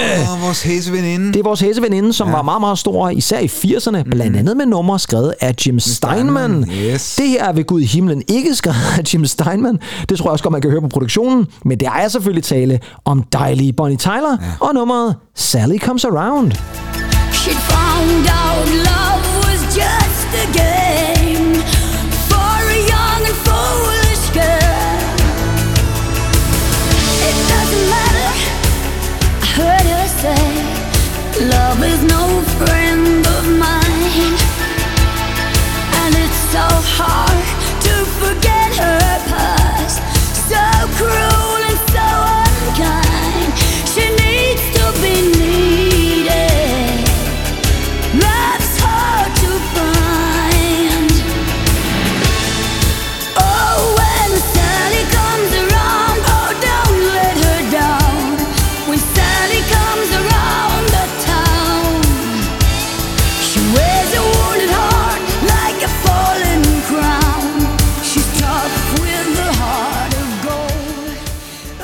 er ikke et øje tørt her på Vordingborg Festuge.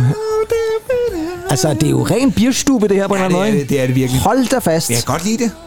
Det kan du godt. det kan jeg faktisk godt. Jeg synes, det er dejligt. Det er en god melodi. Ja, det er en god melodi, og hun synger jo dejligt. Men jeg kan godt se uh, hende og Andrew Strong på Vordingborg Festuge. Det kunne man sagtens. 93. Ja, der skal de Eller måske finde et andet nummer og gøre det sammen med, vil jeg sige. Det her nummer, Nej, det er altså sammen. Bonnie Tyler med Sally Comes Around, og der er godt nok ikke meget Jim Steinman over den her produktion. Til gengæld Nej. er det faktisk en anden producer, en ret kendt mand. Ja, jeg synes, det virker velkendt, den produktion. Nu skal du så måske prøve at lytte lidt til det, jeg sagde. Noget. Jeg sagde ordet Ja. bierstube. Ja. Nu siger du ikke et eller andet Michael Creto eller sådan noget. Nej, okay. Det ville også være vildt. Det er sådan et uh, enigma-pastiche, var det jo bestemt ikke der. Nej, øh, det er en mand ved navn Dieter Bohlen. Mm, Og han er kendt som den ene halvdel af Modern Talking. Åh oh, ja. Og hvis der er noget, det her lyder som, så er det godt nok Modern Talking, vil jeg sige. Ja, det, der, er- der er noget over det. Ja, det er det lidt. Ja. Ja. Men det er altså et album, som hun lavede der tilbage i 1993, som hed Silhouette in Red, mm. som faktisk helt 100% blev produceret af Dieter Bohlen. Jeg ved ikke lige, hvorfor hun skulle have været sammen med ham, men øh, det, det kan jo godt være, der er Jamen, han er godt selskab, tror jeg. han er super godt selskab, ja. og øh, havde jo også haft store hits med Modern Talking. Det her kan jeg altså måske kun huske på grund af Absolute Music 4, fordi... Around. Ja, ja, ja, lige præcis. Ja, men det er meget catchy på en eller anden måde. ikke? Det er det, ja. Og så kunne jeg huske, jeg, jeg sang fra, jeg kan godt huske den sang, og jeg sang med. Ja. Det der med, at hun synger, og kom derud igen. Det var før Genius Lyrics. Jo, jo, men man kunne i virkeligheden godt have lavet en dansk version af ja. Den. Måske kunne G-Bak øh, tage den op et eller andet sted, og så lave deres egen version. Til G-dag. Ja, til G-dag måske et eller andet sted, så ja. drikker vi alle sammen øh, gløk og vifter med hænderne og så videre. Håber, at skoene blev klinket mellem brødrene. Der går rygter. Ja, det gør der, men Ja. øh, dem skal vi ikke ud i lige nu, Nej, ikke. For nu skal vi til track 16, og nu nævnte jeg lige ja. før, at der er ikke så mange danske kunstnere med på den her compilation, men nu har vi nummer to, og det er så også den sidste. Og øh, Andy, nu vil jeg gerne have, at du lukker øjnene, Yes. Fordi nu vil jeg gerne tage dig tilbage til 1993. Vi befinder os på Mogenstrup-skolen. Ja. Der skal være sodavandsdiskotek. I november måned. ja, i november måned, ja, lige præcis. Vi er Efter indendørs. morgensanden. Ja, så efter morgensanden. Opspilede maver. og- Opspillet. og i gang. og det kan også være på en fredag eller en torsdag eller et eller andet. Der skal være sodavandsdiskotek ude på Målstrupskolen. og øh, DJ'en, DJ'en, som måske en af lærerne, står oppe bag pulten, og han er klar. Han skal have publikum med. Jo. Og det eneste nummer, som han ved med sikkerhed vil få alle de unge, ja, sådan noget 5. og 6. klasser mm. til at skrige med, det vil være track nummer 16, for der skal vi nemlig have fat. Andy, er du klar til Ja. Don't Let Me Down med The Sandman? Don't let me down.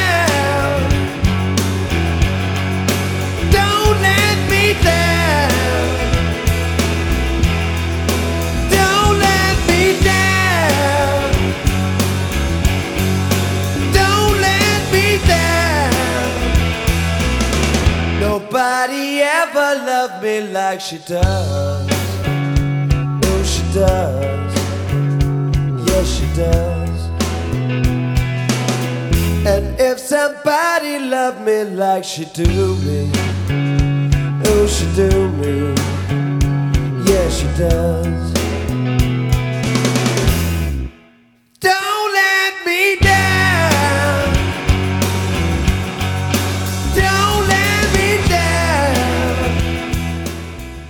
Ja, jeg kan altså huske, at vi stod, det var så ikke på... Det var så ikke på Mogenstrup skole, men på Rønnebæk skole har vi stået og skrevet med til det her til diverse sodavandsdiskoteker. Ja, vi laver også luftgitar, alt muligt halløj til det her. Ej, det, ja, det tror jeg så ikke, jeg gjorde. Jeg tror bare, jeg stod og... Så, ja, det var faktisk muligvis mig, der var DJ'en, faktisk. kunne nu, jeg nu jeg tænker over det. Ja. Det har det nok været. Men jeg ved også, at det var sådan et nummer, der bare var kæmpe populært dengang. Det var vanvittigt. Og Ja. det er jo et covernummer igen. Det kommer nummer af en af dine gode venner jo. Det er jo Beatlerne. Det er Beatlerne. Jeg vil så sige det sådan, det er jo nok ikke en af John Mere- Lennons mere, mest... Mere fan- Lennon, ja, vil jeg sige. Ja, det er mere Lennon. Men det er heller ikke en af hans mest prangende tekster, vil jeg så sige. Jeg synes den måske er lidt Ja, det er, repetitiv. det er, det er, ja, ja, det, det har, det? det har du ret i. Ja. Men jeg synes, de gør det godt her, og Allan Wegenfeldt jo i forgrunden. Det må man sige. Øh, En, en yngre Allan Wiegenfeldt. Og det er jo ellers på trods af, at The Sandman jo blev dannet helt tilbage i 1985. ja. Altså, Altså, jeg har været til boksetræning med ham. ja, det kan jeg godt huske, du har nævnt. Ja, det tror jeg faktisk også, du har nævnt i udsendelsen Det før. Ja, ja, men øh, det er jo fair nok. Gå tilbage. Vi går lige tilbage. Ja. Jamen, det kan godt være, der er lytter, ikke har lyttet til det afsnit. Jo, som... Flink fyr virker han som. Ja, det kan jeg også huske, ja. Og du, øh, du mødte ham ikke øh, five minutes past loneliness eller sådan noget? Nej, okay. Nej, okay. Fair nok. Du sidder alene ude, på, ude for en bokselokale, og så kom Wiegenfeldt op og tog dig under armen. Ja. Ja. Nå, vi skal videre til track nummer 17, og øh, der skal vi have fat i en mand, som også var rigtig stor i 80'erne. Og i 90'erne, der var måske den store succes i virkeligheden øh, fortaget sig lidt. Og alligevel, så var han selvfølgelig kæmpestor i Danmark. Og det her nummer, det kan jeg faktisk godt huske, og det er faktisk et skide godt nummer. Ja. Fordi her har vi Mr. Talking Kermit himself, Rick Astley, uh. og nummeret The Ones You Love.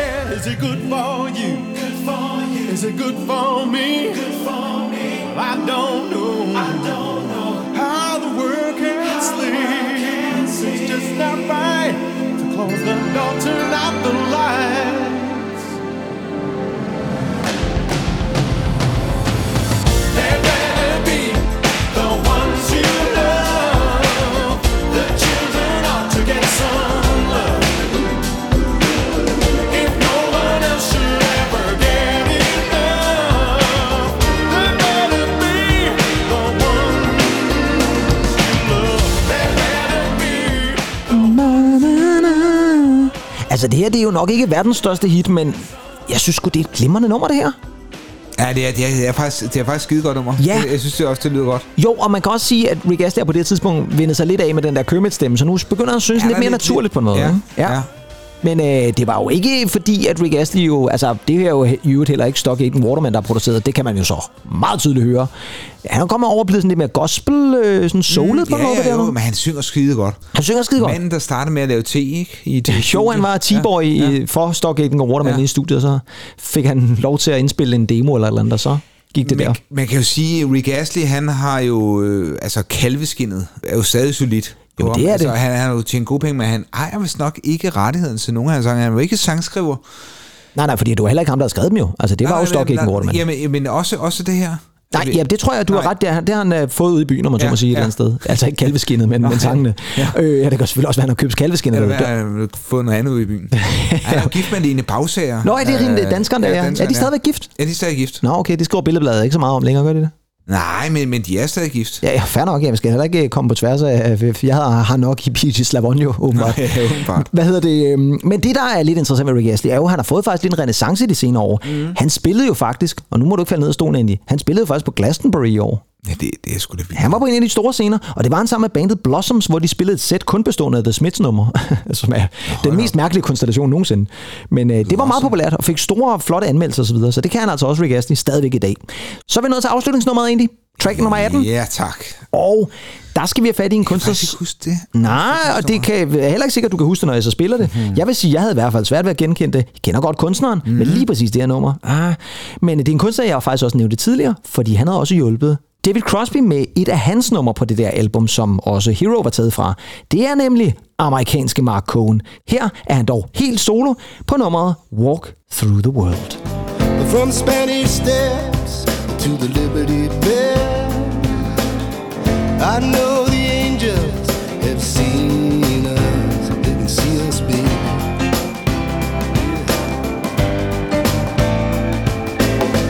They see you down on 7 while you're just hanging by a thread. And I'm sitting in a lonely room without a view. Wishing I was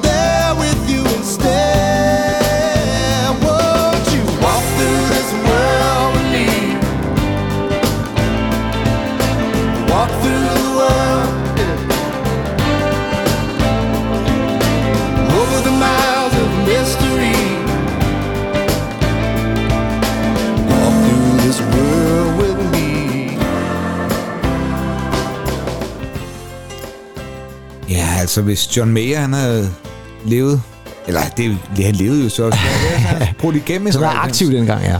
Ja, så kunne det måske godt være... Øh, Jamen, jeg sidder er også... sådan en John Mayer-melodi over. Jo, jeg synes også lige, da der klaveret kommer ind til, så synes jeg, det lyder sådan lidt Bruce Hornsby-agtigt også på mig. Ja, det er det også. Ja. Det her, det var en øh, mm. kunstner, som var rigtig, rigtig stor i USA, fik sit store gennembrud der i starten af 90'erne. Det her, det er taget fra hans andet album, som hedder The Rainy Season. Og det er altså ham her, Mark Cohn, som faktisk også var ret kendt i Danmark, ret populær. Ja, ja. Men øh, han er jo mest kendt fra sangen fra hans første album, som hedder Walking in Memphis. Ja, lige Og præcis. den kender man godt. Men, men det, det, er jo- det er jo sjovt, du, du tydeligt høre det i stemmen. Ja, fuldstændig. Fuldstændig er. Og jeg vil så sige det Er sådan, det jeg, ikke også Bruce Hornsby, der faktisk har været inde over den? Det kan faktisk godt være, du er ret, ja. Ja. ja. Det er nu, du siger det. Jeg vil i hvert fald sige det sådan, jeg tror, at de fleste mennesker kender måske også øh, Cher-versionen, som hun lavede. Hun har faktisk lavet en glimrende coverversion af Ja. den. Og jeg tror faktisk også, der er nogen, der måske opdagede Mark Cohn på den måde, fordi de troede, at det var et Cher-nummer, og så i virkeligheden var det noget andet. Ja. Så det var altså track nummer 18 egentlig. Og så er vi ligesom kommet igennem Absolute Music 4.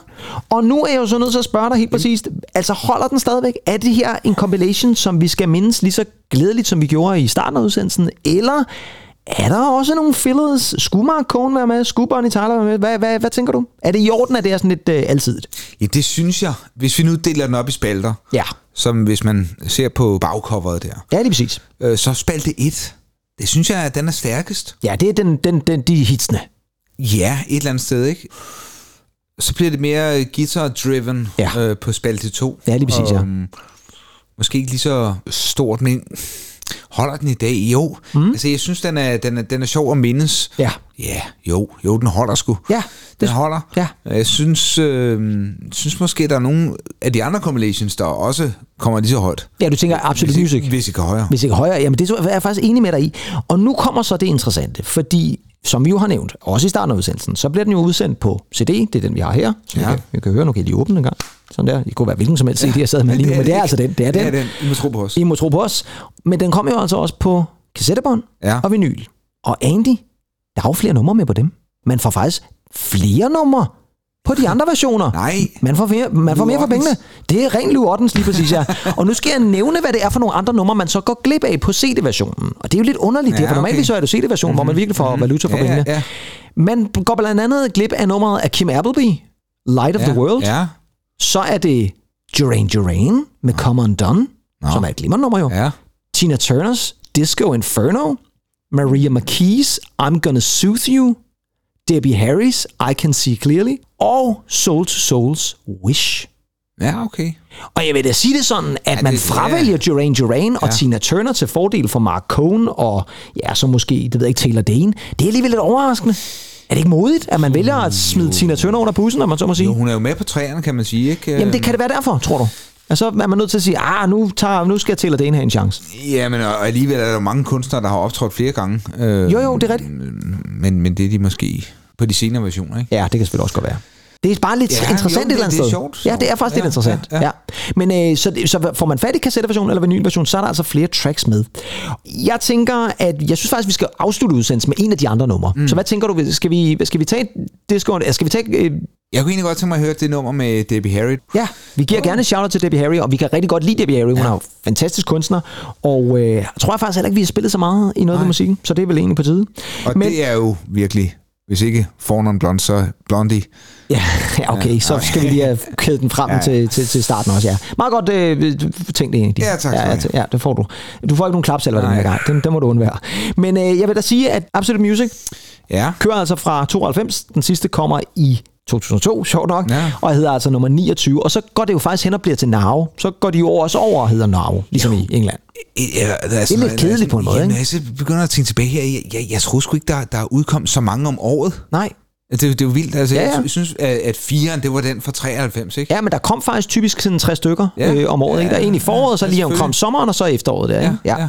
Men øh, i Sverige egentlig, der er de faktisk stadigvæk i gang. Eller det vil sige, der er så faktisk ikke kommet nogen i år. Men den seneste er faktisk fra 2022, og der var det nummer 91.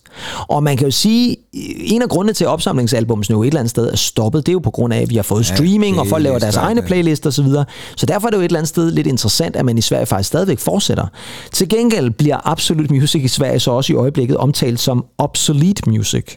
Det er meget sjovt. Det er Ja, meget skægt. Sådan lidt forældet sjovt. musik. Jeg vil så sige det sådan, at jeg synes faktisk, der er lidt om snakken, og det er ikke det der med, at der er sjovs på bakken, men, men, men at øh, det er lidt absolut music, fordi jeg begyndte jo i 596 at købe Now compilations i stedet for Absolute Music compilations, fordi jeg simpelthen synes, at når Now udkom med deres compilations, så var mm. numrene stadigvæk nyere. Altså, de var ja, Ja, spritnye. Ja, ja, ja, ja, ja. Hvor jeg faktisk synes nogle gange, at Absolute Music siger, ah, der, er Jo, jo, altså, ja, ja, det havde altså, været hits ja, længere det er rigtigt, det er rigtigt. Ja. Og øh, nu er vi i slutningen af udsendelsen, og øh, jeg startede i udsendelsen egentlig med at spørge dig om, hvilken dansk kunstner, som har optrådt på flest Absolute Music compilations. Mm, mm, Så nu vil jeg have svaret. Hvad tænker du, det er? Jeg, jeg kender dig jo, mm. fordi nogle gange så er du drilsk og kryptisk Det og så kan jeg finde på at være, ja. Så da du også spillede Lars Hug Nå, mm, og Hanne Bol, Ja. jeg tænker, er han, er han ude på et eller andet? er ude på nummer? Men jeg tror faktisk, vi skal have fat i noget Thomas Helmig. Og det tror jeg, fordi at der er Stupid Man, der er alt det med Moonsilver øh, i de senere plader. Det rammer peakperioden der. peakperioden. Ja. Øh, jeg tror, det er ham, vi skal have fat i. Og det er fuldstændig korrekt. Han er med på syv. Yes! Ved du, hvem der så er nummer to? Det er faktisk Hanne Bol Ja. med 6. Ja. Så øh, ja, det er altså Thomas Helmig, der løb den, så tillykke egentlig. Ja, tak. og til vores lyttere også tillykke til jer, hvis I havde gættet den.